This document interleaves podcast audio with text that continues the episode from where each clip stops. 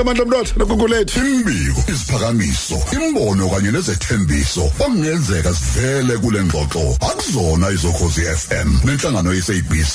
Ukhozi FM luhamba phambili. Sisho njalo ke sithi vuka uqonde kabanzi. Masithi amandla omnotho nogugulethu wakwaXaba siyakubingelela gugulethu nonkosi umntwane ko Vietnam Ngiyabonga amashenge nomthiya nephimba nabalali bokhozi siyathokoza ukuba sohlelweni. Hey ngithi uzobuye ukosakhuluma le language yethu le. Esikhulumayo usuqonda ngenye indlela. Ngokuthi ngiyanqena nje ukunidida ngoba nisuke ningezwa nanokuthi ngibuye sengiwuchef le sengikwazi ukupheka ukudla kwase South East Asia amaxoxo kanjalo nezinye izinto ibili boxo sengikwazi ukuhlanganisa nje konke kuhleke bemnandi. asingaphathwanga izisu nje mfowethu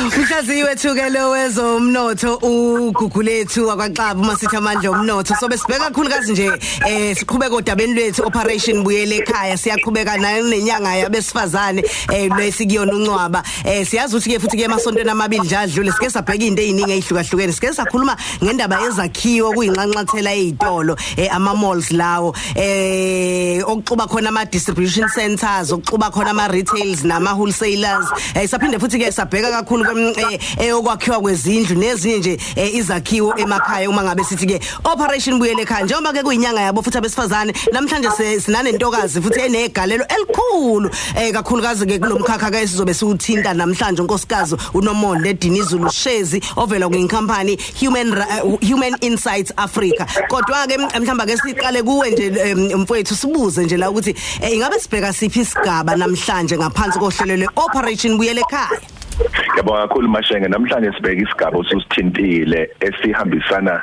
ne communication information and technology shuthi eh ubuchwepheshe ngoba ibona kahle hle njengamanje obumqoka ngendlela emangalisayo ekuthuthukiseni izonke izinto ezikhona nezenzekalayo emhlabeni. Ungabheka iAfrika yonke kumanje njoba sibantu aba 1.3 billion eh bathi abaziyo cishe wonke umuntu unayo manje cellphone kusho ukuthi wonke unayo indlela yokuxhumana nabanye abantu and i-internet siyisidingo esinqala kakhulu ekuthenini wonke umuntu akwazi ukuthi akwazi ukusebenzisa yona ukuze akwazi ukuhweba nokuxhumana nokwenza izinto eziningi ezikade zingakwazi ukwenzeka ngaphambilini. Ngakho kuma sithi sifuna ukuthuthukisa indawo zasemakhaya sikhuluma ngengxenye yezomnotho ethinta kakhulu lesi sigaba ekumele sibhekisise sihambe futhi nabantu abayaziyo abayiqonda kangcono futhi abangakwazi ukuthi basikhanyisele. Njengoba usushilo noma usazomkhuluma naye inkosikazi ushezi eh umunye wabantu esiyicatsha kakhulu ngaye. Inkalakade impela ngingahlele imbuka dlamini la eningizimu Afrika engakasho nje ukuthile ungomunye wabantu mhlawumbe uma wazi into ekuthiwa i-wallet eh eyaqalwa lapha eningizimu Afrika eh uyuqobo yenzile enzela elinye lamabhanga amakhulu. Mayiqala nje ekuthiwa i-wallet ulozo lukhuluma naye oyenzile la eningizimu Afrika eshen hayi hayi uyabona kuyacaca ukuthi imbokothi namanje avela ngifakela ngwhatsapp wallet sithi #imbokothi namandla sithi #umandla. Eh sithi ke amandla kubantu besifazane. Yo human insights africa unkosikazi nomonde dinizulu shezi. Kwakumngani wami njalo. Kwathi ngithi dlaba.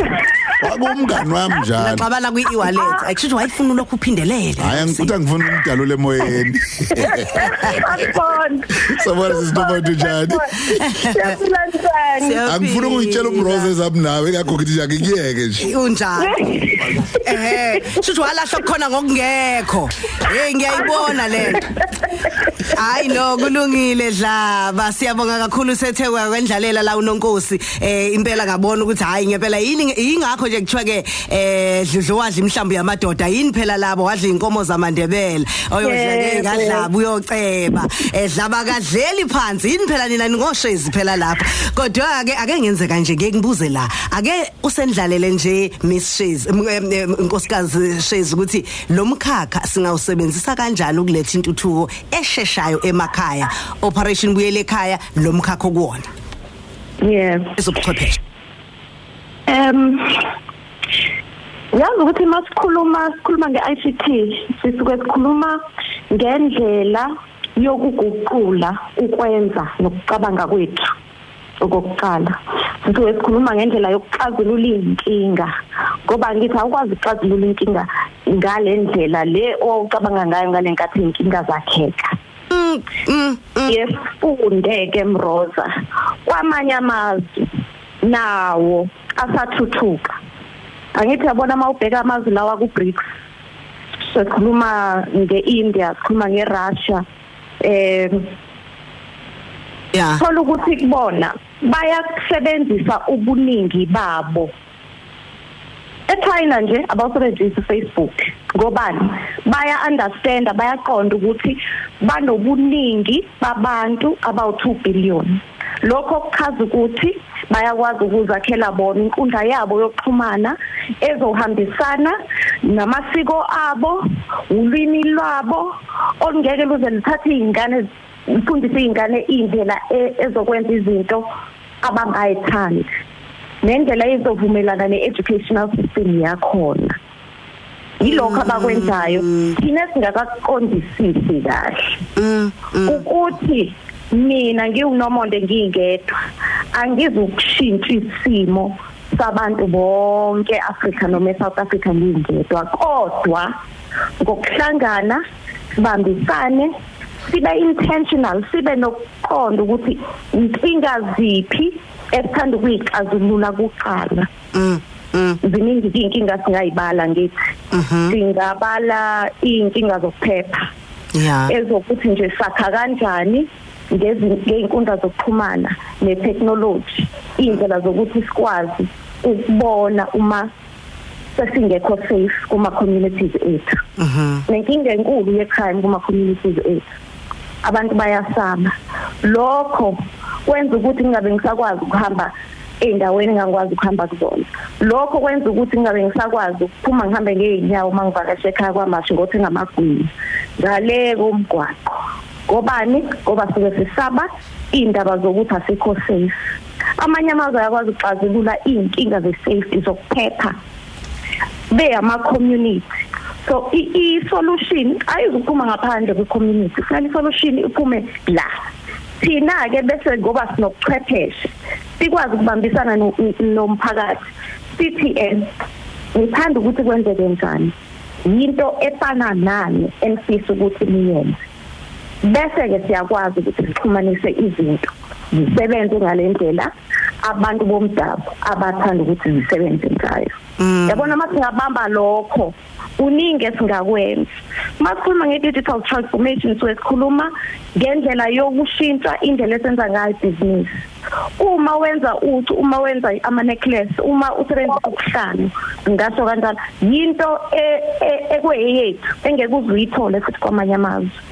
Bese ke inkundla zokuxhumana zisiza ngani? Zisiza ngokuthi uyakwazi ukuthi uhleli kwamashi noma entuzuma noma elandi ukwazi ukuthola icustomer elihleli eEurope noma eGhana noma eZambia.